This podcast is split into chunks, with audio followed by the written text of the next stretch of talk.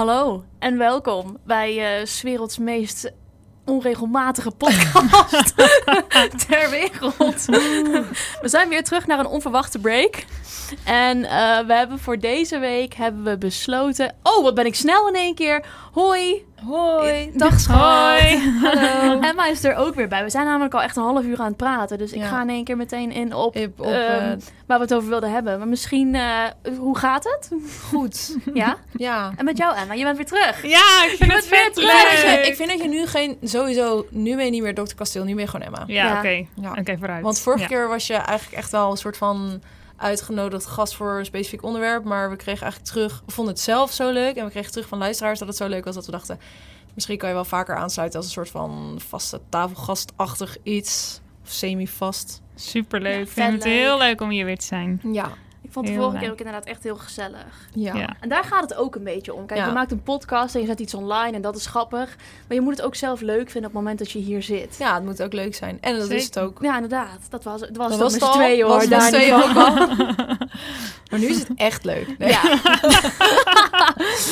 Oké, Ja. dus we zijn inderdaad met z'n drieën. En we hebben besloten om een beetje interessante nieuwsartikelen over de wetenschappelijke onderwerpen van vorig jaar te gaan bespreken. Ja. Wat Ja. vinden we daarvan? Ik vond het een heel goed idee van jou namelijk. Ja, thanks. Eh, ik dacht, ehm, ja, we zaten een beetje te vissen hè, van wat voor een onderwerp willen we doen. En Mhm. we willen sowieso nog een keer een aflevering maken, gewoon ook met, met vragen van luisteraars. Want daar hadden we het nu Oh ja, eigenlijk dat was over. eigenlijk de bedoeling. Oh ja. Dat was in eerste instantie ons idee.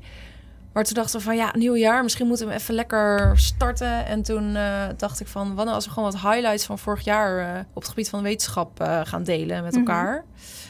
En eh, ja, zo gezegd, zo gedaan. Hè? Ja, Daar zitten we leuk. dan.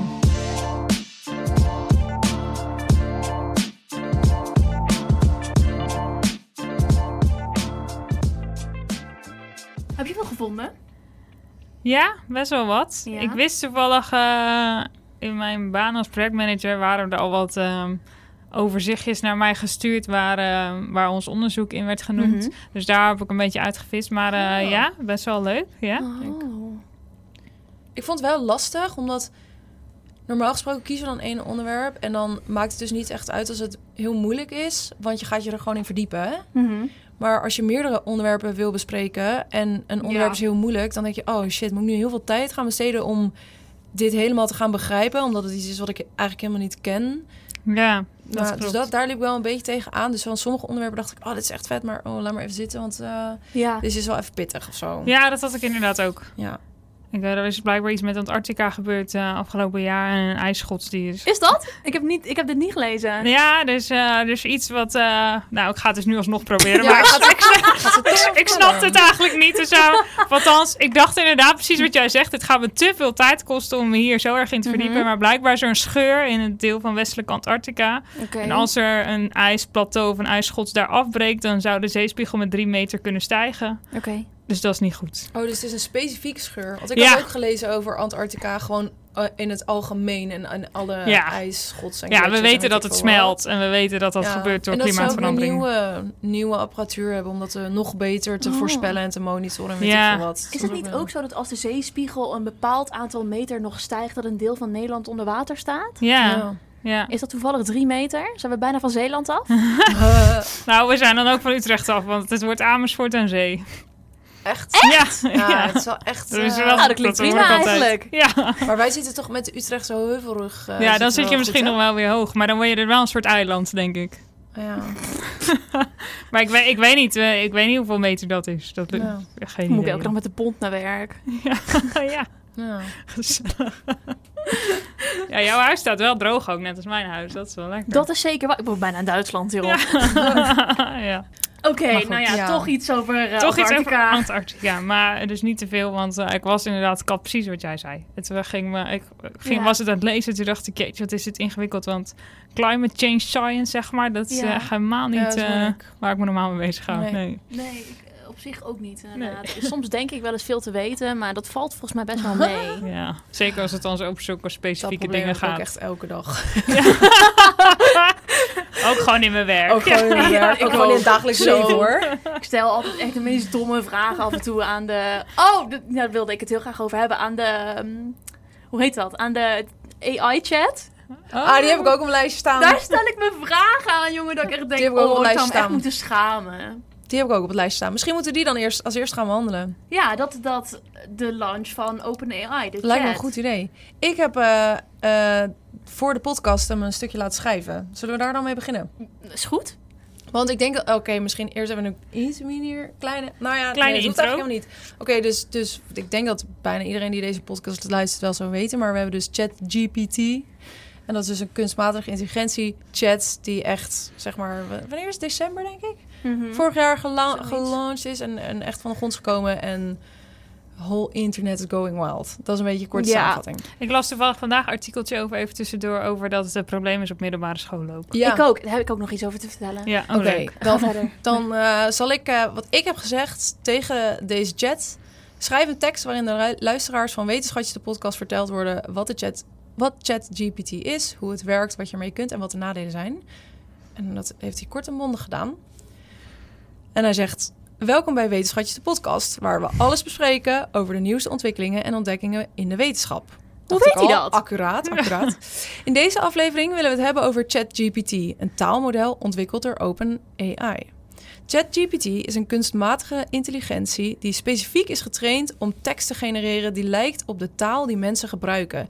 Het is ontstaan uit de Generative Pre-trained Transformer, GPT, die in 2018 gelanceerd is en sindsdien is verbeterd. Het werkt door de tekst te analyseren en patroon te herkennen, waarna het zelfstandig tekst kan genereren.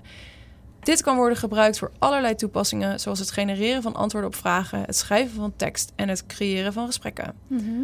Hoewel ChatGPT veel potentieel heeft, po- potentieel, potentieel heeft, zijn er ook enkele nadelen. Bijvoorbeeld, sommige mensen zijn bezorgd dat de technologie kan leiden tot de vervanging van banen die nu worden gedaan door mensen, Mhm. zoals schrijven en redigeren. Er zijn ook zorgen over ethische implicaties van het gebruik van ChatGPT, zoals de mogelijkheden van het creëren van nepnieuws of het manipuleren van mensen via gegenereerde tekst. Mhm. Maar, dit vind ik wel grappig, maar ondanks deze nadelen denken wij, blijkbaar, wij. ja inderdaad, De dat zijn wij drietjes, dat is Wetenschapsche podcast, denken we Oh. dat ChatGPT een krachtige technologie is die veel voordelen kan bieden als het op de juiste manier wordt gebruikt. Dank u wel voor het luisteren naar deze aflevering van Wetenschapjes de podcast. Blijf luisteren voor meer interessante onderwerpen en ontdekkingen in de wetenschap. Oké, nou, ik sluit hem af. Ja, dit was Tot hem. volgende week. Ik vind Maar het wel eh, grappig dat hij inderdaad ook voor ons schrijft wat wij ervan vinden. Ja, dat is bepaal ik zelf wel. Ja, Ja. dat is inderdaad wel typisch. Dat is heel grappig. Wel een soort sluikreclame eigenlijk, hè, voor zichzelf. Ja, Ja. dat is echt zo. ja. Maar goed, dus ik, eh, ik vond dit hilarisch. En dit is dus waar de mensen bang voor zijn. Want in principe zouden wij zo op ons, deze manier dus onze podcast gewoon prima kunnen maken. Ik snap wel dat mensen hier wel bang voor zijn. Ja, Zeker ik zie in je echt- eentje, want er is natuurlijk nu niet dialoog of zo. Dus dat mis je natuurlijk wel. Maar Ja. stel dat Ja. ik in mijn eentje een podcast zou hebben en iets zou willen vertellen, dan kan dat dus gewoon op deze manier. Dan zit je echt heel chill hier op deze zitzak. Gewoon een beetje. Ah, eh, Kun je het gewoon voorlezen? Ja. Maar waarschijnlijk kan je hem ook vragen om er een dialoog van te schrijven. Sowieso, ja, ook. absoluut. En je kan ook heel makkelijk, voorlezen. ehm, Ja. je kan ook heel makkelijk vragen: breid het iets uit, of Ja. herschrijf dit stukje Ja. een beetje, of Ja. voeg dit toe. Ja. Zo kun je het helemaal precies teleren zoals je het zelf wil. Dat is zeker waar. Ja. Ehm, Ik vind het leuk.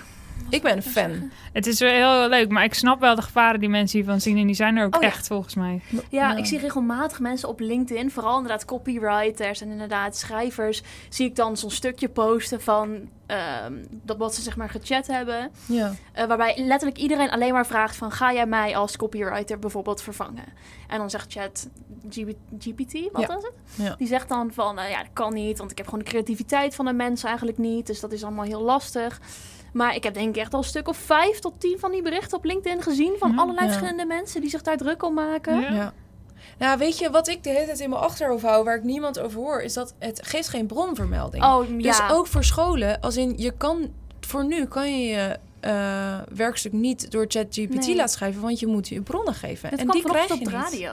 Dit Dat je inderdaad waar? geen bronnen krijgt Ja. vanuit Jet- eh, Oh, ChatGPT. nou ja, wat ik dus vandaag las, maar ik weet hier niks over hoor, is dat, het- dat hij dat hij in ieder geval dat hij geen bronnen van dit jaar heeft. Dus dat een, dat Ja, een soort van geeft- way around ja. was. Dat je dan een student vroeg van noem minimaal vier bronnen uit 2022. Ja. Want hij heeft maar bronnen erin tot en met 2021. Maar hij geeft dus geen Hij bronvermelding. geeft überhaupt geen bronvermelding. En, want hij heeft inderdaad überhaupt kennis tot en met 2021. Alles wat daarna dus online is en weet ik veel wat, Dat weet, weet hij hij niet. niet. Maar stel nou dat ik vraag aan die chat van... eh, eh, give, me the most re- of give me recent publications about microplastics bijvoorbeeld. Dan krijg ik ook gewoon, dat heb ik niet. Hij, hij doet Oh, niks met doet hij niet. publicaties. Want het is, het is namelijk geen... Het is niet een... een Zoekmachine. het is geen zoekmachine, het is geen basis van kennis. Het is gewoon een algoritme die bepaalde woorden vaak aan elkaar koppelt. En Ja. op die manier ja. Goede zinnen kan formuleren. En, en daarmee dus thema's kan verwoorden. Ja, ja. Omdat hij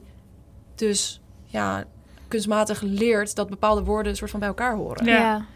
Dus daarom kan hij ook, hij kan ook geen bronnen geven op die manier. Maar dit is dan denk ik in theorie wel makkelijk te koppelen aan een zoekmachine, zodat hij wel bronnen kan geven. Ja, dat, dat, Ja, dat, sowieso. lijkt, dat lijkt mij niet bijster Ja. ingewikkeld, tenminste. Nee. Maar misschien dat dat ook expres nog niet gebeurd is. Ja, dat zou niet. kunnen, maar dat is natuurlijk het gevaar. Ja, Ik snap wel dat docenten en dergelijke hier echt bang voor zijn. ja.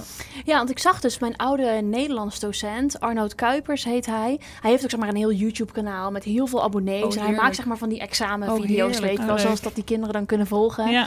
En hij is ook heel erg actief op LinkedIn. Hij had bijvoorbeeld een, een post gemaakt van, met, een, met een foto van het verslag. En eh, met de tekst erbij van... ik heb zojuist mijn allereerste eh, AI-verslag ingeleverd gekregen. En die leerling heeft het gewoon eerlijk tegen hem gezegd blijkbaar. Want dat vroegen mensen in de comments. Dus Ja. van, hoe weet je dit? Ja. Ehm, en zijn vraag was ook aan iedereen van... ja, wat vinden we hiervan? Ja. Moeten we deze technologie in het curriculum zetten... zoals dat de kinderen in de toekomst het gaan krijgen... ja. Of moeten we ze hiervan weren? Ja. Kijk, ik weet bijvoorbeeld dat mijn vriend heel erg zoiets heeft van ja, alle nieuwe technologie die moet geïncorporeerd worden in hetgeen wat we hebben. Want dat is waar de toekomst naartoe gaat. Je kan kinderen niet weerhouden om dat soort dingen te gebruiken. Want het gaat je toch niet lukken. En dan kan je maar net zo goed meteen alles pakken wat je hebt. Ja. En het meenemen. En kinderen leren om daar het beste mee om te gaan. Want we gaan nog veel verder dan dit Ja. waarschijnlijk. Ja, ik vind dat, ongetwijfeld. dat, Maar wat vinden jullie gezegd. hiervan? Nou ja, ik zeg het nu. Ik weet gewoon dat hij dat vindt. Ja. Oh, ja. Ik vind het super ingewikkeld, want je... Kijk, want stel, zelfs als je als hij alsnog geen bronvermelding geeft... als hij een super mooi verslag voor jou kan schrijven... weet je wel, zonder taalfouten, zonder dingen erin... Het enige wat jij nog hoeft te doen is je bronnen erbij zoeken. Ja. Daar leer je echt zo weinig van. Ja, vind ik ook. Sterker nog, eigenlijk helemaal niks. Dus als wij AI alles voor ons laten schrijven, dan gaan we als mensheid eh, alleen maar op achteruit qua Ja. intelligentie, denk Ja. ik. En zeker als, als dat geïncorporeerd wordt in het curriculum van kinderen. Maar je kan het niet weren. Als in, in dat opzicht zie ik nu voor me hoe eh, oudere mensen tegen mij zetten, zeggen van... eh, ja, ik moest nog naar de bibliotheek en Ja. dingen opzoeken in boeken en ja. bla bla Nou, bla. En jullie kunnen alles gaan zijn. googlen. En dat zien wij als iets heel positiefs. Ja, In dat opzicht kun je, is dat ook misschien op zo'n soort switch geweest... die we nu gaan doormaken met die eh OpenAI. ja het, misschien. Dat zou zomaar kunnen. Alleen ik vraag me dus af of we er niet heel veel dommer van worden als Ja. mensheid. Wellicht wel, maar zijn we ook niet een stuk dommer op het moment dat we deze technologie hebben en het vervolgens niet gebruiken? Misschien ook. Ja. Want op precies. deze manier, zeg Ja. maar, om dit in ons efficiënt. wheelhouse te krijgen van, van dit kunnen we. Dus waarom zou je het dan leren? Ja, Als er iets is Ja. voor jou wat het voor je kan doen allemaal, waarom zou jij je dan niet focussen op het verbeteren van andere punten? ja. En niet zeg maar die theoretische dingen Nee. zoals, eh, weet ik veel, geef mij een protocol voor dit uitvoeren. Ja. Waarom zou dat allemaal uit je hoofd willen weten als het niet hoeft? Ja. Oké, maar... eh, En oké, verder? Van onderwerpen? Ja, heb je nog iets meer? Ehm, nou ja, iets heel anders. Ehm, er is voor afgelopen jaar voor het eerst een muisembryo gemaakt vanuit stamcellen. Dus zonder het gebruik van sperma en van eicellen. Ja, en dit vind zonder ik dus baarmoeder. eng. Als in, Ja. dit Ja. is eng. Ja, dit is ook al. Dit is gewoon inderdaad hoe we uiteindelijk geen mannen meer nodig hebben Ja. op deze aardbol. Maar ook geen vrouwen dus, want zonder eicellen en zonder baarmoeder. Bizar. Gewoon vanuit stamcellen in een bioreactor. Ik vind dat Oh. echt eng. Oeh. Ja, ja. nou ja, ze hebben dus, ze hebben dus eigenlijk, ehm, ze hebben nu een embryo kunnen maken die tot en met dag 8,5 heeft overleefd. Dus dat is, Oh. je bent nog lang niet een, een normale muis is 20 dagen zwanger, dus we zijn daar nog lang niet. Maar het wordt wel gezien als echt een, eh, een breakthrough, omdat we nu ehm, door dit te kunnen heel veel beter kunnen bestuderen hoe de vroege ontwikkeling eruit ziet van een embryo. Uh-huh. Wa- en Oh, ja. Want als dit met muizenstamcellen kan, kan het in theorie ook met humane stamcellen. En op dit moment kunnen we eigenlijk alleen onderzoek doen naar de vroege ontwikkeling van mensen. Mhm. Door humane embryo's te gebruiken. En daar hebben we het in een vorige aflevering ook al wel Ja. een beetje over gehad. Oh, ja. Dat is nogal controversieel en volledig afhankelijk van mensen die hun IVF-embryo's willen doneren aan de wetenschap. Nou ja, ik denk niet dat dat er heel veel zijn. Nee, dat denk ik ook niet. En het is dus inderdaad ethisch best wel ingewikkeld. Nog steeds, ja. Dus als je het met stamcellen kan, eh, is, biedt dat heel veel mogelijkheden. En dan heb je dus heel veel mogelijkheden om die vroege fases te onderzoeken. Ja. Maar ze kunnen dus eh, met stamcellen, waar we het in de eerdere afleveringen over hebben gehad. Dus ik ga het niet heel erg uitgebreid uitleggen, maar eigenlijk Mhm. een soort eh, cel wat nog niet een bepaald type cel is. Dus echt een soort basiscel. Mhm. Als ze daarvan verschillende types bij elkaar doen onder de juiste omstandigheden en in, dus in een soort artificiële omgeving zetten, kunnen ze dus een embryo groeien die een brein heeft, die darm heeft, een kloppend hart. En die het doet in ieder geval tot en met eh, dag 8,5. Zo. Dat is echt bizar. Ja, dat is Ja. echt cool, hè? Maar dat is zeg maar halverwege al. Kijk, in een Ja. menselijke zwangerschap, als je op 4,5 maand zit, dan heb je al best wel een. Ja, kind? Ja, het is, het is Dus- best, het is echt wel, het is, het is meer dan een klompje cellen. Want ze zien dus, ze hebben, er is dus eh, een hersenen. Er zijn ook al voorlopers voor de andere organen. Die zijn op dat moment nog in ontwikkeling, dus die zijn er nog niet. Maar ze zien wel de voorloperscellen, Mhm. zeg maar. Dus het is echt, eh, er, gebeurt, er ontstaat echt een embryo. Ja. En er zijn nog enorm veel limitaties, want ze komen dus maar tot, tot en met dag 8,5. En maar Mhm. 50 van de 10.000 celklompjes, zeg maar, werd uiteindelijk echt een embryo. Oh, dus ja. de succesrate is nog niet zo hoog. Ja, dus, ja oké. Ehm, maar ja, het, ik vind het wel echt heel cool. ik had het ook nog helemaal niet gezien. Ja, Maar ja, op zich als inderdaad... Ja, hoe groot percentage is dat? ja het is heel weinig. Maar het, is, het wordt ook echt gezien als een soort eh, doorbraak. Dus als, als een eerste stap dat dit kan. Mhm.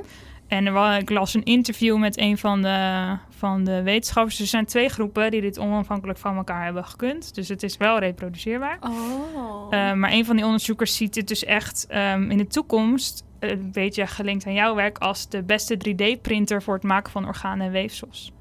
Ja.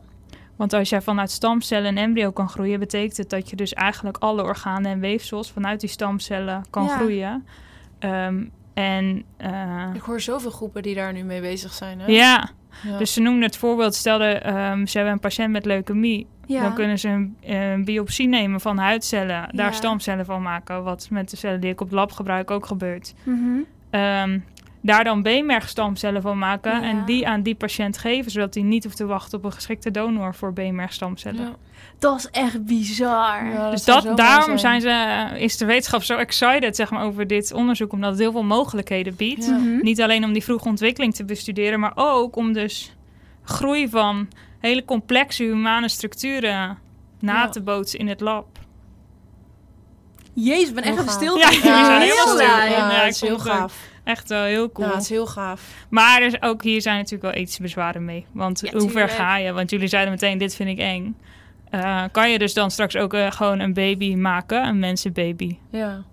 op het lab? Weet ik niet. Ja. Ja, hè? Maar ik weet niet eens of dat... Eigenlijk weet ik niet eens of dat eng of erg zou moeten zijn. Nee, misschien ook niet. Nee.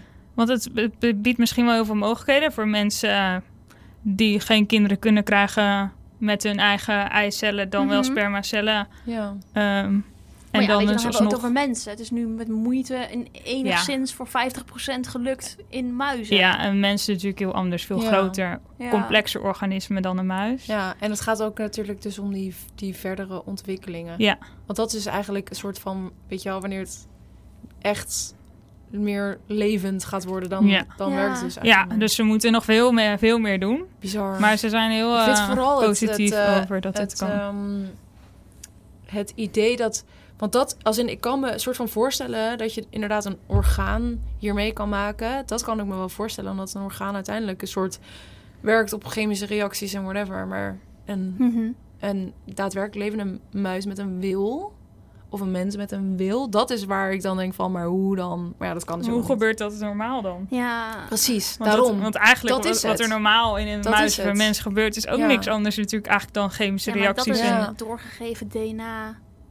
maar dat ja, is hier dat kun je natuurlijk namaken. DNA kun je natuurlijk gewoon namaken, maar ja, Hier is ook DNA van de stamcellen, komt daar natuurlijk Ja. uit. Dat is de basis. Maar kennen jullie, eh, want daar, daar, ik zit een beetje te, te grinniken. Want eh, kennen jullie die horrorfilm Black Sheep? Nee. Nee.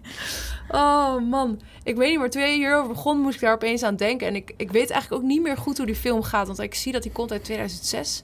En ik weet nog als ik een keer op een filmavondje met middelbare scholieren... hebben dat een keer s'nachts stiekem, eh, weet je, al met ons eerste biertje... hebben we dat zitten kijken en... maar dat is een soort horrorfilm. En, en er staat hier ook als, als omschrijving... An experiment in genetic engineering turns harmless sheep into bloodthirsty killers... that terrorize a sprawling New Zealand farm. Het was zo'n mega grimmige film. Maar dat is dus, dus die, die angst voor de genetic engineering... komt nu bij mij even Ja. weer zo Ja. op. Omdat ik die Ja. film was echt terror. Ik ben wel benieuwd of het een beetje van de grond komt. Of ze ook daadwerkelijk verder hiermee kunnen. Ja, ze zijn natuurlijk Kijk, al zo toen- lang bezig. Ja, maar ja, ja, inderdaad. Toen bijvoorbeeld eh CRISPR-Cas kwam, weet je dat je DNA, dat je genetisch materiaal ook echt kan aanpassen door middel van, eh, ja, hoe moet ik het noemen? Eiwitten. Ja, En maar ja, nou, zoiets.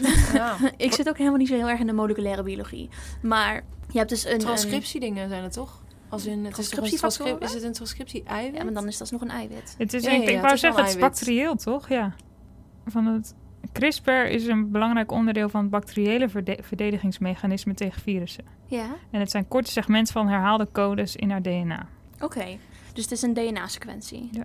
Nou, Hm. met, met die DNA-sequentie kan je dus knippen en plakken in DNA. En toen dat voor het eerst kwam, toen was iedereen ook doodsbang. Van ja, nou ja, doodsbang Oh is ja. super overdreven Ja, natuurlijk. maar het is wel waar, van ja. dat je kinderen kon maken waarvan je dan zoiets had van... nou, maar ik wil eigenlijk niet dat ze blauwe ogen krijgen. Ja. Dat, dus dat gedeelte knip ik eruit. Ja. En ik wil bijvoorbeeld dat ze heel erg slim zijn. Dus dat gedeelte knip ik erin of plak ik erin. En ehm, hebben jullie Divergent gezien? Ja, Dat is uiteindelijk gebaseerd op dat principe. ja. Dat vroeger, toen mensen hier op een gegeven moment dus achterkwamen... Dat, het, dat je DNA kon knippen en plakken... dat ze toen baby's gingen maken die of heel erg eerlijk waren... of heel erg slim waren, dat soort dingen. En die hele film is dan gebaseerd op dat die mensen bij elkaar... in een fractie zitten, in een groep zitten... En dat is blijkbaar dan... Nee, ik kan trouwens helemaal niet het hele plot vertellen nu. Dat is heel te Oh, ingewikkeld. ja. Spoiler alert. ja. spoiler alert van de hele film. Het is in ieder geval een film. Het is in ieder geval een film, maar dat gaat inderdaad over het aanpassen van genetisch materiaal. En ehm, ja, nou ja, daar doet dit me dus een beetje aan denken. Want ik heb het idee, ik weet dus dat volgens mij hebben zij twee jaar geleden of drie jaar geleden pas een eh, Nobelprijs hiervoor gekregen. Ondanks dat ze het echt jaren echt heel kort geleden. pas. Ja. Ja, inderdaad. Ondanks dat ze echt jaren geleden hiermee kwamen, Ja. ehm, hebben ze echt pas heel recent daar een Nobelprijs voor gekregen. Maar sindsdien hoor ik er eigenlijk weinig over. Het is wel, er worden wel mensen behandeld met CRISPR-Cas. Ik eh, Ja? lees hier Ja. toevallig dat ehm, in mei dit, vorig jaar is ehm, een patiënt met een eh, erfelijke aandoening eh, behandeld Echt? met CRISPR-Cas9. Oh. Dus als je bijvoorbeeld het BRCA-gen hebt voor borstkanker, dat je dat er dan bijvoorbeeld uitknipt. Ja, dit ging over hereditair angioeudeem. Oh, Maar hij weet heeft, je een, wel. eh, ja, hij heeft een, eh, een zeldzame erfelijke aandoening... eh, waardoor hij tekort heeft aan een eiwit wat iets moet remmen. Mhm.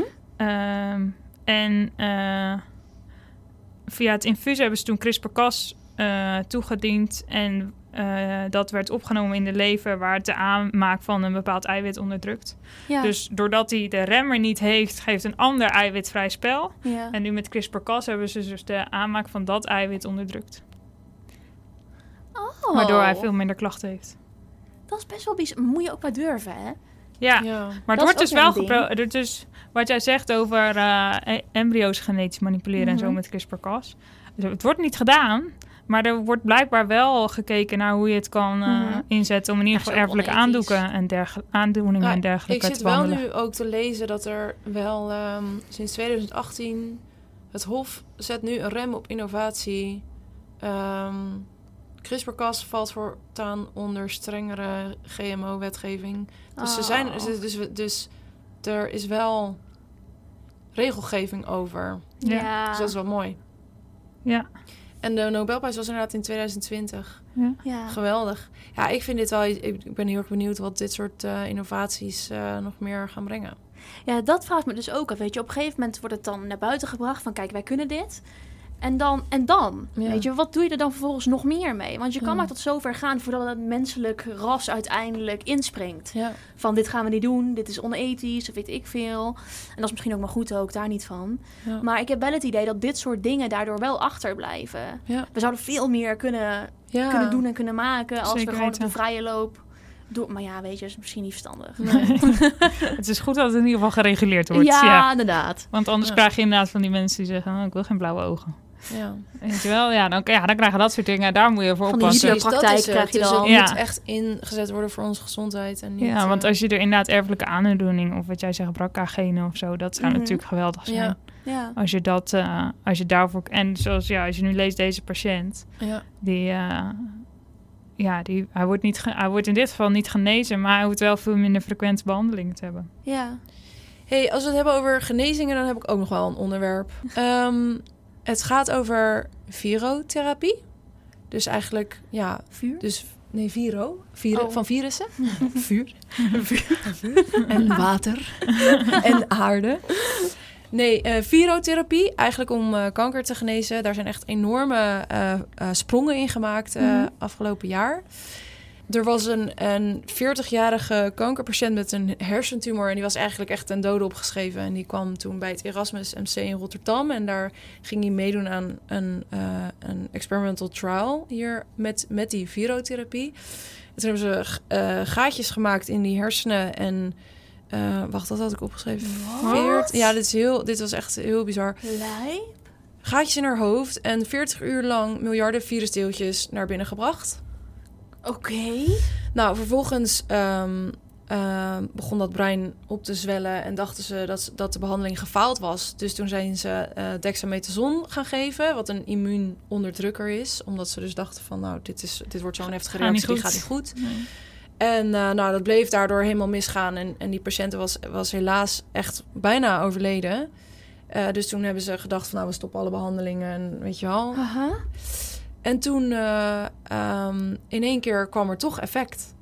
En begon die tumor, dus, de, dus de, ehm, het volume werd weer minder en, en, en die tumorcellen die, die verdwenen. En ehm, nou ja, toen dachten ze natuurlijk van, wat is hier gebeurd? Want in eerste instantie was hun hypothese dat de, dat de virussen die kankercellen kapot maken. Maar wat er dus gebeurt, is dat die virussen dringen die kankercellen binnen maken die kankercellen dood. Die kankercellen vallen uiteen. En waar wat het gevaar is aan kankercellen, is dat het er vaak uitzien als normale cellen zoals we die gewoon hebben. Eh, maar van binnen zijn ze natuurlijk helemaal fucked op en hebben ze allerlei eiwitten die verkeerd gaan en whatever. Ehm, maar dat zien onze immuuncellen niet. Maar door die virussen knappen die kankercellen, komen er eigenlijk een soort vlaggertjes van: hey, dit zijn verkeerd gevouwen eiwitten en dit gaat niet goed dat wordt herkend door ons immuunsysteem. En die beginnen dat vervolgens op te ruimen. En blijkbaar dus ook buurtkankercellen die nog niet door dat virus geïnfecteerd zijn. En op die manier kunnen ze dus, hebben ze dus bij deze vrouw ehm, ja, enorme herstelling. Ik weet eigenlijk niet of ze helemaal 100% genezen is. Dat heb ik eigenlijk niet gelezen. Maar goed, wel dus enorm herstel. En ehm, ja, dui- echt duizenden kankeronderzoekers zijn nu met dit onderwerp bezig. En er is ook zelfs al op de markt een medicijn tegen uitgezaaid melanoom met eh virotherapie. En in Japan versnelde toelating tegen een glia, glioblastoom. Dat is ook een hersentumor. Ja. Ja, zeker. En, Een ehm, glioblastoom is ziek interessant, hè? Want een glioblastoom bestaat niet uit één soort kanker, maar uit Maar zes verschillende, verschillende, soorten kanker. Ja. Dus dan kan je bijvoorbeeld een chemo geven die dan misschien kankersoorten 1, 4 en 6 aanpakt. ja. Ja. En dan chemo soort 2 die dan vervolgens alleen maar nummer 2 aanpakt. Ja. Ja. Ja, dat wilde ik even tussendoor vertellen. Vond ik interessant. Goed punt. Maar goed, ja, dit, dit vond ik een hele enorme toevoeging eh, van Ja, heel vorig cool. jaar. Oh. Heel cool. En dit is in het Erasmus gebeurd. Maar wel met één patiënt. Oh, wacht, maar ze deden een clinical trial. Ja, ze hebben meerdere patiënten eh, geprobeerd te helpen. En dat is Ja. ook een van de drawbacks nu van, van op deze manier therapie geven. Op een of andere manier is het heel selectief. Op een of andere manier werkt het bij de een wel en bij de ander niet. Oh. En pakt het ene Hmm. virus bij de ene beter aan en de andere virus bij de ander. Dus ze moeten nog uitzoeken hoe en wat. Maar ehm, mag ik er nog iets over vragen? Ja. Hoe ehm, gaan die virussen alleen de kankercellen in? Ja, er stond in dat artikel dat ze die virussen... Ze hebben die virussen hebben ze uiteindelijk uit apenpoep gehaald. Het is een soort verkoudheidsvirus, want ze willen het liefst een virus wat, wat niet, wat wij niet, überhaupt niet kennen. Nee. Want anders dan hebben we er al antistoffen voor. Ja, Dus het moet echt een onbekend virus zijn. En ze modificeren dit virus, zodat het alleen die kankercellen binnendringt. Maar ik kon niet vinden hoe, want dat Ja. begreep ik nog niet helemaal. nee, want dat is wel interessant. Want dat is natuurlijk eigenlijk de techniek Ja, die je moet hebben. Ja. Iets wat dan Ja, specifiek de kankercellen binnendringt. Want ja, dat want hoe weet inderdaad het virus specifiek wat de kankercel Ja, is? Want dat is volgens mij de crux bij alle therapieën tegen kanker. Dat, Dat, je heel eh, vaak universeel is. ja, alle cellen kapot Ja. maakt. Dus maar dat zal waarschijnlijk de reden zijn dat bij sommige mensen wel werkt en bij sommige mensen Misschien niet. wel, ja. ja. Maar als ze daar dan goed achter komen Ja. of dat Ja. kunnen uitvinden. Want dan zou je eh, chemotherapeutica sleutel. in hun structuurformule precies aan kunnen passen dat zij die kankercellen exact aanvallen. Ja. Ja, dat hoop je dan, want dat is wat je wil. Ja. uiteindelijk. Ja. Want dat is volgens hè? mij ook met immunotherapie, toch? Dat Het, dit is uiteindelijk, In- uiteindelijk wordt dit dus een soort vorm van immunotherapie. immunotherapie, ja. De- het grappige is dus dat ook, want hè, wat ik dus net vertelde, ze dachten dat het niet goed ging, dus toen gingen ze eh, dus immuunsuppressive eh, medicatie geven. Maar daardoor haalden ze juist het effect weg, want je hebt juist het immuunsysteem nodig om dit op te lossen. Ja. Het is echt, ja, ik was, eh, was heel erg van Ja, eh, het is onder indruk. cool. Het is echt heel gaaf. Leuk. Ik heb nog iets over chemo.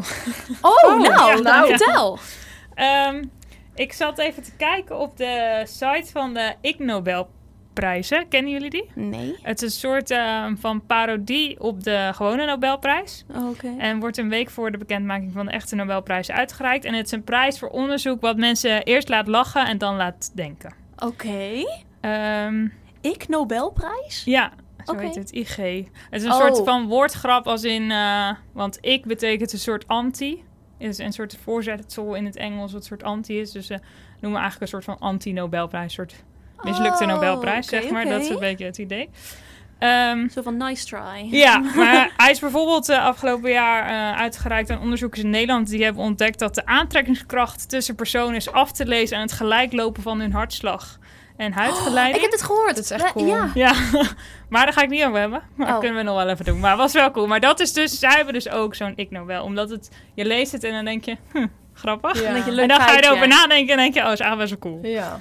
En dit zijn dus onderzoekers die hebben deze prijs afgelopen jaar gewonnen. Omdat ze hebben ontdekt dat het eten van ijs, dus echt ice cream, Ja. tijdens chemotherapie kan helpen tegen bijwerkingen. Ehm? Dus het zit zo. Hoe werkt dat inderdaad? Ja, sommige, sommige patiënten krijgen van bepaalde chemotherapie een orale ontsteking. Dus een ontsteking in het mond-keelgebied, zeg Ja. maar.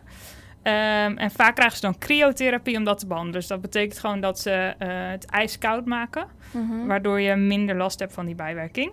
Ja. Eh, maar dit onderzoek laat zien dat het eten van ijs... Dus ook... eh, een makkelijker en fijner en veel fijnere oplossing is voor de patiënt... in plaats van die cryotherapie. Ik kan me voorstellen. Ja, dus je mondslijmvlies raakt beschadigd door die chemo. En je Ja. krijgt zweertjes en blaren in je mond. Oef. En eh, het, het doet heel veel zeer. Mhm. Ehm, waardoor die patiënten vaak minder gaan eten. Wat dan weer niet bijdraagt aan hun herstel überhaupt. Ja. Want als je stopt met eten heeft je lichaam minder brandstof. En eh, kan je minder goed herstellen.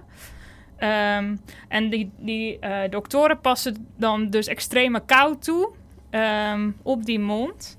Mhm. Ehm, om dat te voorkomen, omdat je bloedvaten dan gaan vernauwen. Ja. Ehm, dus wordt er minder van dat, van dat chemotherapeuticum opgenomen in Mhm. die mondslijmvlies. Gaat er minder kapot. Eh, dus heb je minder last van die bijwerkingen. Maar toen dachten die onderzoekers van... waarom moet dat nou? Want ze doen dat dus normaal met ijsklont of ijsschaafsel... maar dat is heel koud en je kan het Mhm. eigenlijk bijna niet binnenhouden... en dat heeft dan eigenlijk allemaal zijn eigen problemen. ja. Dus die onderzoekers dachten... kunnen we die mensen niet gewoon ijs laten eten? Dan moet je hier dan blijft het onderzoeker ook- zijn, weet je. Ja, dan, dan denk je Dan blijft het ook van, eh, koud. Nou, ze hebben 74 patiënten onderzocht. 52 kregen ijs en 22 kregen niks. En van de patiënten die geen ijs aten, kregen ne- 59% die inflammatie, Ja. dus Ja. die zweertjes. En van de patiënten die wel ijs aten, maar 29% Oh, dus het is Oh! ook echt preve- preventief. Als in het is niet soort van Nee, effect verminderen. Nee, het maar... is preventief. Goh, wat goed. Omdat dus dan die bloedvaten vernauwen. Ja. Dat is En dan zo dus eh, je minder Oh, dat is eh, echt daar- leuk. dat het daar opneemt. Oh, wat Ja, leuk. vond ik zo leuk. Ja. Dit doet me wel denken aan een ander feitje, even iets heel anders. Ehm, wisten jullie dat op het moment dat je bijvoorbeeld heel veel gedronken hebt s'avonds... en je wordt de dag daarna wakker en je bent een beetje brak... dan is het allereerste wat je moet doen koffie drinken. Want koffie vernauwt de haarvaatjes in de hersenen... waardoor je dus die kloppende hoofdpijn niet hebt. Ah. Dat doet me even, nu je zeg maar Ja, dat zegt, dan denk ik ja. ook van... weet je waar dat ook goed tegen is? Heel nice. Ja, Los van uh, chemotherapeutica bijwerking. Ja, ja, ja. Ja, dat doet Ja, dus inderdaad ongeveer eh, iets soortgelijks. Jezus, wat hebben jullie een heftige, zware, goede onderwerpen gevonden. Wel een beetje, hè? Ja, het is wel heftig. Heb jij iets Ja, lichters? vertel, wat heb jij? iets nou, ja, ik heb alleen maar lichter, joh. Nou, is lekker, ja. Ehm, weet je waar ik het heel graag over wilde hebben? Vorig jaar, eind vorig jaar, kwam... ehm, ehm, hoe heet hij? Erik Scherder? Ja. Die was een beetje in... ehm, hij had op een gegeven moment iets gezegd. En toen had NRC had gezegd Ja. van dat is niet waar. En toen had hij gezegd van jij moet je bek houden. Ja, Oh, dat heb ik nice. Daar kwam het eigenlijk op neer. Maar gezien. ga ik even vertellen wat er gebeurd is, hè? Want hij heeft echt een heel groot Instagram-postbericht gemaakt met echt Ja. zo'n lap tekst. Ja. Ziek interessant. Want wat er gebeurd was, is dat het NRC had een artikel gepost. En in dat artikel stond dat van al het bewegen en mediteren... het geheugen van senioren niet beter werd. Oh, Met dat was zeg maar de titel. Oké. Dan denk je toch, oké, nou Ja. Dan heb je Erik. Scherder, want die Ja. zegt alleen maar dat we allemaal moeten Ja, wandelen. moeten wandelen. En lopend van bewegingsarmoede en... eh, Oh, Brisk man. walking. Ja. Ja, Actief precies. wandelen. En, eh, Eh, voor de mensen die hem trouwens niet kennen, dat is een hersenwetenschapper. En hij doet heel ja. veel, ja, public speaking. Hij geeft heel veel presentaties. Hij is ook best wel veel op tv. Ja, colleges. echt, eh, hoe heet dat? eh, van de, de wereld Daar- draait door, die colleges. Daar zijn Ja. we een paar keer geweest heel geloof veel ik. Oh. Universiteit van Nederland. Ja. Ik heb ook college van hem gehad. Ja, het is Ja. echt heel leuk. Oh, wat eh, grappig. Ja, ja, dat is heel grappig. Ik heb nog wel een verhaal dat eh, toen op een gegeven moment, ik weet niet meer, maar we zaten filmpjes te kijken over, over ratten, of ik weet het niet meer, maar het waren in ieder geval vieze filmpjes. Iets met breinen, denk ik. Ik weet niet, waarschijnlijk. Ja, Dat zou je waarschijnlijk. denken. Ja. Iets met rattenbreinen, denk ik. En Ja. ehm, toen werd er een meisje bij ons in de collegezaal onwel.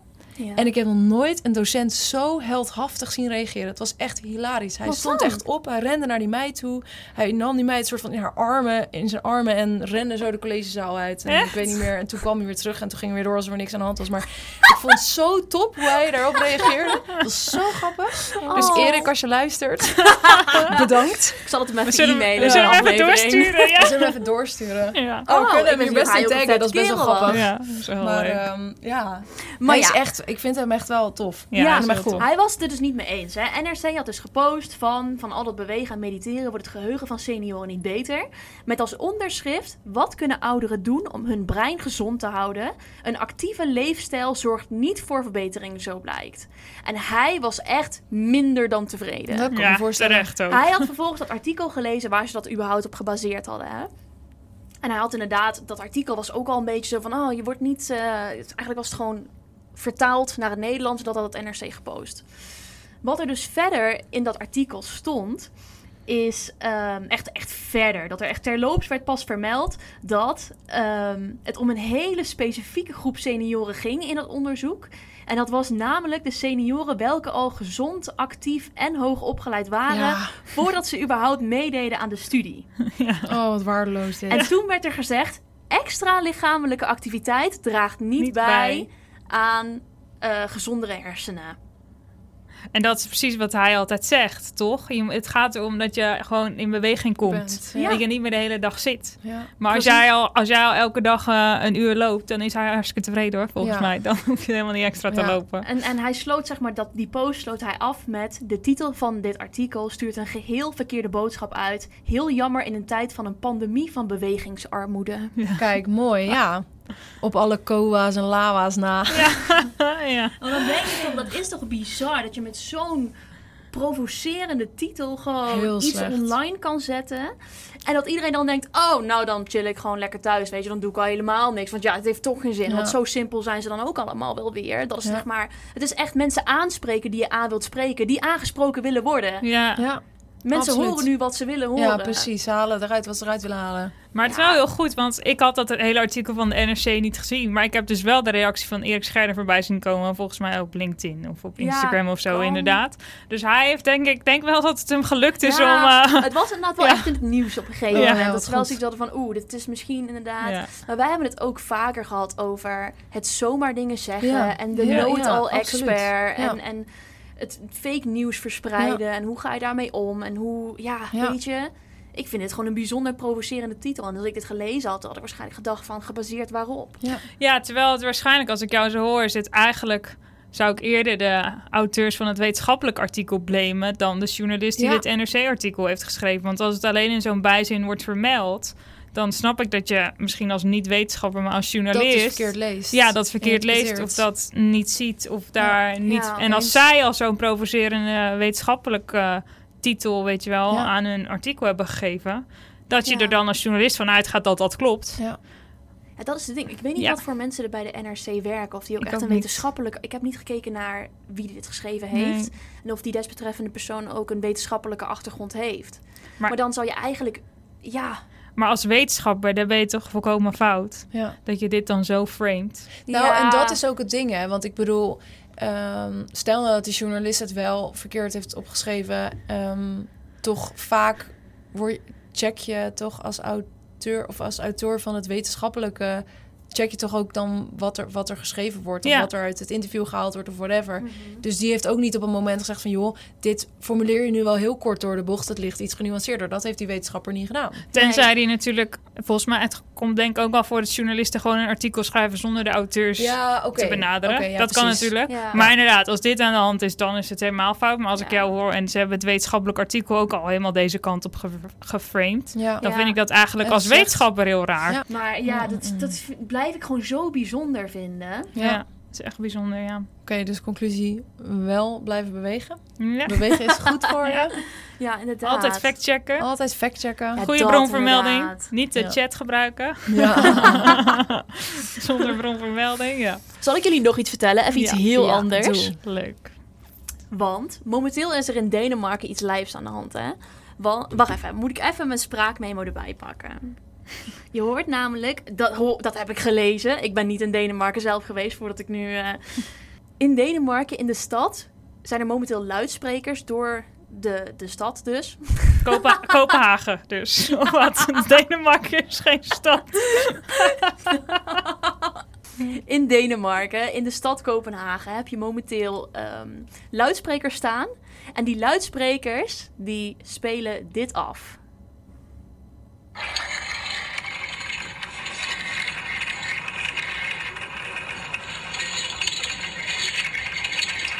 Wat is een soort afval? Ja, wat denk je dat is? Afvalverwerking-achtig gelu- glasbreken? Geen idee. Ik geloof dat ik hier iets over gelezen heb, maar ik weet Ja. het niet. Ja. Nee, ik weet het niet. In 2013 hebben ze in Denemarken drie satellieten de lucht in geschoten. En dit is het geluid van onze aardmagnetische kracht. Oh, Om de aarde Ik ga hem even nog een keer, nu je dat Oh, weet. wat cool. Doe even nog een keer. eh, ga ik hem nog een keer laten luisteren. Dat klinkt toch nat? ja, het klinkt nat. Nou, Heel vet. Bizar. Bizar. Ehm, Dus dat is hoe het klinkt. nou ja, dit is dus inderdaad het geluidsfragment van ons aardmagnetische veld. Het is wel in een geomagnetische storm. En dat is een tijdelijke storing in de magnetosfeer van de aarde. En die wordt veroorzaakt door een, een storing in het ruimteweer. Dus misschien dat het gewoon regent net buiten ons het magnetisch veld om. Het onweerde, ja. Heel grappig, want ik dacht dat je namelijk wat anders ging vertellen. Oh. Even tussendoor, toen je begon over, over Denemarken en geluid. Dus ik mo- moest even googlen, maar ik heb het over Zweden en geluid. Oké. Want eh, daar hadden ze namelijk op een gegeven moment een campagne. Ik dacht dat je dit ging vertellen, dus ik dacht echt van wow, want dit is zo grappig. Daar hadden ze op een gegeven moment een, een campagne. En als je dan vuilnis weggooide daar in een vuilnisbak, dan kwam er vrouwelijk gekreun uit die vuilnisbak. om, om mensen te stimuleren om weer een vuilnis weg te gooien. Dus dan gooi je je kolenflesje in die vuilnisbak en dan hoor je, ah, weet je wel. Dat is zo grappig. Dus ik dacht echt, ga je dit nu vertellen? Maar dit heel wetenschappelijk ja, maar het is Maar- Zweden. Maar je hoorde het geluid en toen dacht je... En toen dacht ik, nee. Ja, nee. zo klink ik. Ja, dat precies. Zo klinkt het bij mij nou ook. Daarom reageerde ik ook zo awkward van, eh, gebroken glas, ik weet het niet. En ik zag, dat klinkt nat. Goed, se- ja, sexy trashcans. Oh, Heel ja, grappig. grappig. Oh, maar cool. Maar hoe hebben ze dat gedaan? Dat ge- Nou ja, die opnemen. satellieten, Ja, die die- hebben ze- ik weet het niet. Volgens, ik weet niet met wat voor een geluidsfragment je dan terugkomt eigenlijk. Nee. ik denk dat je gewoon komt met, met soort van geluidsgolf en dat je daar dan zelf iets... Heel vet. Maar waarom spelen ze dit af midden op straat? Gewoon Ja, dat vonden ze vet. Omdat Gewoon die, om te- om nou ja, die satellieten zijn in showen. tweede- 2013 naar boven geschoten en die komen nu pas terug of zo. Ze hebben nu pas eh, vet. iets ontvangen. Ja. Ja. Cool hoor. Ik heb ook nog space dingen. Heb jij space dingen? Ik heb space dingen. nou, de James Webb Space Telescope. Oh ja. Als in jullie waarschijnlijk niet onbekend. Nee. Eh, maar dus de ESA, NASA en de CSA heb ik opgeschreven hier. Canadian Space Agency. Ja, dat was het. of- Ja, Canadian. European. Wat is NASA? Waar staat NASA ook weer voor? Dat is toch zeg maar internationaal? Of Ja. zeg ik nu iets heel gek? Nee, Is het- is nee, het is Amerikaans. Amerikaans. Of is ja. Amerikaans, ESA ja. is European. National Ja, NASA. American, Ja, American NASA, Society ja. of. Astrology. National Aeronautics and Space Administration. Ja, dat was ook echt een grote gok. bijna. Amerikaans, En de. Canadian Space Energy. Die hebben dus de, de James Webb-telescoop. eh, het is eigenlijk december 2021 de ruimte ingeschoten. Maar eind januari eh, is hij op de juiste plek terechtgekomen. En blijkbaar moest hij toen nog helemaal ontvouwen worden. Want het ding is zo groot als een tennisveld. Jeetje. Ja, dat is dus in een, hoe noem je dat ook weer, raket Ja. opgevouwen. In een raket naar boven gegaan. Daar in, op de juiste plek gebracht. Uitgevouwen. Alsof afgekoeld. je zo'n campingtentje, weet je, uit zo'n Ja, ding haal je precies. zo. Flop, dat het zo uit... Nee, maar blijkbaar was dat uitvouwen een heel ding. Want elk klein dingetje wat fout kon gaan was... Hoe eh, bedenk je het, hè? Ja, dit is echt bizar. Oeh, dit vind ik echt lijp. En, ja. eh, maar dat ding moest blijkbaar afkoelen. Echt maanden. Dus in juli zijn pas de eerste beelden ehm, ja, weer teruggekomen hier. En ehm, vet, ja, hoe dat ding dus werkt. Het is eigenlijk een 25 vierkante meter grote spiegel met een goudlaagje wat infrarood reflecteert. Oké. En ehm, dit geeft echt belachelijk mooie foto's. Dat je echt denkt van... Niet te doen, hè? Het is niet te doen. Dus als je nu luistert, ja, als je Oh, nu luistert, als je gezien. luistert, Google even, want dit ja, is echt is zo mooi. James Webb James Webb Telescope. en dan images En, of eh, zo. Ja, en eh, nou ja, foto's van galaxies echt ver buiten onze wel- melkweg. Nieuwe zwarte gaten dichtbij ontdekt. En het is echt bizar. En dat ding was Zo mooi. 14 jaar behind schedule. Dus eh, het heeft lang op zich moeten laten wachten. 10 miljard dollar heeft het een grapje gekost. Oh. En eh, maar het, het- wat, ik, wat ik las, en dat vond ik wel mooi, ze hadden eh, bedacht dat dat ding tien jaar in de ruimte zou zijn. Daar hadden ze ongeveer op gecalculeerd. Maar die lancering is zo netjes gegaan dat ze maar heel weinig brandstof hoefden te gebruiken om bij te sturen, om hem in de juiste orbit te krijgen. Ja. Dat ze nu verwachten dat hij zeker nog wel 20 jaar operationeel is. Heel vet. Vind ik mooi. Oh, Ehm, ten maar laat je geld. Wat dit ding dus kan, Ja. hè, ons heelal is 13,8 miljard jaar oud. Deze kan dus 13,5 miljard jaar terug in de tijd kijken. Omdat golflengtes gaan met 300.000 kilometer Oh, per dan zie je dus op een gegeven moment seconde, God daar zo staan. En die maakt dan zo balletjes zo. En die gooit je dan zo op. en dan denk ik, oh, er moet nog een maan bij. En die rolt hij er dan zo bij als een soepballetje. En die gooit hij er dan ook bij. Ja. Maar, oh, dit, maar dit vind ik altijd zo'n lastige concept om te begrijpen. Ja, Heb omdat jij, hij kan, ehm, het komt er dus eigenlijk op neer dat hij zo Ver, ver kan, kan kijken... dat hij dus een soort van terug gaat in de tijd... omdat het licht nog niet... zoveel lichtjaren terug Ja. kan kijken.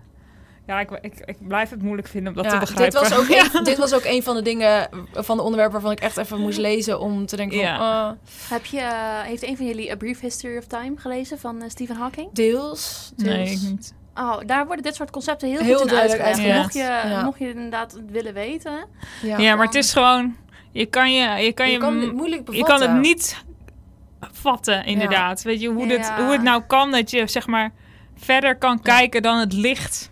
Dan de snelheid van het licht of zo, Ja. weet je wel? En, is... eh, en ik, wat, ik vond het zo mooi eigenlijk ook toen jij net begon te praten over, over, over die stamcellen en hoe we zo een soort van het begin van het leven beter kunnen onderzoeken. Dankzij deze telescoop kunnen we dus ook het begin van het leven. van de echte, van de aarde. ja, en, eh, en ja. het begin van onze en de evolutie van het universum beter onderzoeken.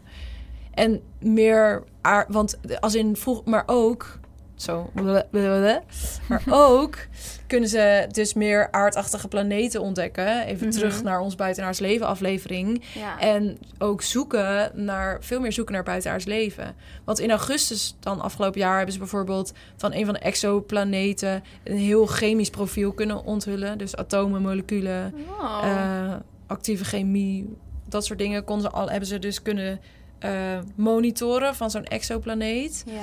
En ehm, in september hebben ze ook foto's van exoplaneten gemaakt van 14 miljoen jaar oud. Bizar. Ehm, en in december hebben ze een sterrenstelsel gevonden wat ontstaan was net na de oerknal. Nou, ik denk, ja, ik, heel veel dingen denk ik wel, wow. Hoe, is, het dan, mo- hoe is het mogelijk? Maar Ik hoe vind weet het je zo dat? cool. Staat dat erop? Er zit een labeltje. Nee, ik denk dat dat... Zo'n vlaggetje staat Ja. er zo. Ook denk- door God, weet je. Net na de, net na de oerknal. Ja. Met de datum. Netjes denk- gelabeld met naam. Ik weet niet. Ik denk dat dat dan te maken heeft met hoe ver weg het staat en met de, met de elementen die ze daar vinden. Oh, en met zo. hoe verder weg het staat, hoe meer dat zij dat linken aan de tijd waarin de oerknal ongeveer gebeurd is. En dan denken zij van... Nee, want het Ja, heeft te maken met de, hoe verder het staat, hoe langer het duurt voordat het ons bereikt. dus Ja, het heeft dus niet te maken met ver, dus het zal wel lang geleden zijn, maar ver als in, dat, als in wat ze daar zien is 14 miljoen jaar geleden gebeurd. Omdat Ja. het 14 miljoen jaar geduurd heeft voor die lichtgolven om ons te bereiken. Ja. Toch? Ja, ja want het, het Moet licht... boek Brief History of Time eh, lezen? Dan kan je... Omdat licht, met, dat licht eh, reist met een bepaalde snelheid, Ja. namelijk zoveel centimeter per 300.000 seconde. Ja. 300.000 kilometer per seconde. Ja, dus daar zit afstand en tijd in. Mhm. Dus als jij dan vervolgens eh, weet hoe ver weg iets is, dan kan je Weet dus je hoe lang uitrekenen geleden. hoe lang Ja. dat is. Dus hoe lang het geleden is. Omdat je weet hoe snel dat ligt, inderdaad. Ja, Precies. ja, dit snap ik. Maar Ja. ze koppelen het aan een bepaald tijdpunt. De oerknal is het tijdpunt. Ja, met de oerknal weten ze dus ook Ja. hoe lang dat Ja, geleden is. precies. En Dus dat, die twee punten hebben ze aan elkaar gekoppeld. Ja. Dat is eigenlijk het enige wat ik zeg. ja. ja. Oh, Oké, fijn dat ik nu wel een ja krijg. In plaats van een vette attitude. Jezus. Cannot handle this attitude. Hebben we eigenlijk nog eh, andere puntjes staan? Ik eh, ben overal doorheen, schat. Ja, ik heb, ze, ik heb het ook al ongeveer eh, genoemd wat ik wilde noemen. Ik Ja. vind echt dat we met leuke dingen zijn gekomen ook. Ik ben weer, eh, ben weer verrast. Ja, Nieuwe dingen geleerd. ja ik ben een stuk wijzer geworden. Ja. Ja. heel Ik leuk. heb er zelf niet heel veel aan bijgedragen, maar ik vind het fijn dat jullie dat gedaan Ik hebben. ben benieuwd ook wat eh, 2023 gaat brengen eigenlijk. Maar we Ik volgend ook. jaar weer mee komen. Precies. Ja. Precies. Wat, oh ja, want dat een wilde ik... eh, schatting. ja, Kunnen nou, we volgend jaar kunnen we even terug lu- luisteren? wat jij denkt, wat, wat we denken dat er gaat gebeuren. Oh, dat vind ik heel moeilijk. Ja, dat ik ook. Want de meeste dingen van die vandaag zijn genoemd, wist ik überhaupt niet dat ze nou Dat- mee dat bezig waren. ja, precies. Ja, precies. alles wat dit jaar waarschijnlijk gaat gebeuren, eh, zijn ze er nu al lang mee bezig, maar heb ik totaal Ja. geen weet van. Nou, ik denk wel dat ze met die James, James Webb eh, Space Telescope Ja. echt dingen gaan vinden dit jaar. dingen meedoen. Dat denk ik wel, dat daar echt coole dingen uit Dat gaan geloof ik komen. ook wel. Ik denk dat ze met die, met die muizenembryo's gaan ze ook wel verder. Ja, stamcelonderzoek, daar Ja. wordt zoveel tijd in gestoken Ja, nu. Daar gaat ze dat denk ik ook wel nieuwe Ja. dingen mee vinden. Ja. Ik denk dat er veel eh wetenschatjes de podcast geluisterd gaat worden. Ik wou net zeggen, ik denk dat wetenschappers de podcast viral Precies, gaat. viral gaan. Nou, over viral gaan eh, gesproken. We zijn, we zijn een beetje viral gegaan. Er is wel wat media-aandacht eh, naar de Ja. podcast. We hebben in Ja, wat artikelen gestaan. We Ja. zijn in wat nieuwsbrieven verschenen. We hebben e-mails ontvangen van mensen die met ons willen samenwerken. Ja, De inderdaad. Twitter en de LinkedIn Ja. van eh faculteit. Ja. Dus uh, dankjewel. Ja, dus, en, blijf ook, en blijf ook lekker delen. ja. En blijf ook En luisteren. blijf ook luisteren, Ja. en blijf genieten en blijf vooral ook, ook dingen inzenden als, je, als er vragen zijn of, of als je specifiek ergens antwoord op wilt. Dat vinden we eigenlijk heel leuk. Mhm. Waar kunnen ze ons vinden, Jonelle? Ehm, mocht je meer van ons willen weten, dan eh, kan je ons volgen op wetenschatjes.podcast. En dan zien we jullie eh, voor de volgende aflevering weer, denk ik. Annemijn en Emma, dankjewel dat jullie er waren. Graag gedaan. Heel graag gedaan. Ik vond het heel leuk dat Bedankt ik er dat weer jij mocht er was zijn. ook. Dank jullie wel. Dankjewel. Kleine shout-out ook toch nog weer even naar hier waar wij zitten. Oh ja. Novi Hogeschool. Omdat Ja. wij zo lief zijn dat wij de podcastruimte mogen gebruiken. En ja. ons ook technisch semi-ondersteunen wanneer wij even grote errors hebben. Heel Ja. fijn. Ja, inderdaad. Ja. En, en op de Instagram staat bijvoorbeeld ook post ehm, van hoe het er hieruit ziet. Mocht Ja. je willen weten hoe wij hier zitten, dan eh, de zitzak waar ik het over had, dan, eh, dan moet je daar gewoon eventjes op kijken. En dan zien wij jullie eh, voor de volgende aflevering weer. Nou, dat schat. Dag schat. Dag schat.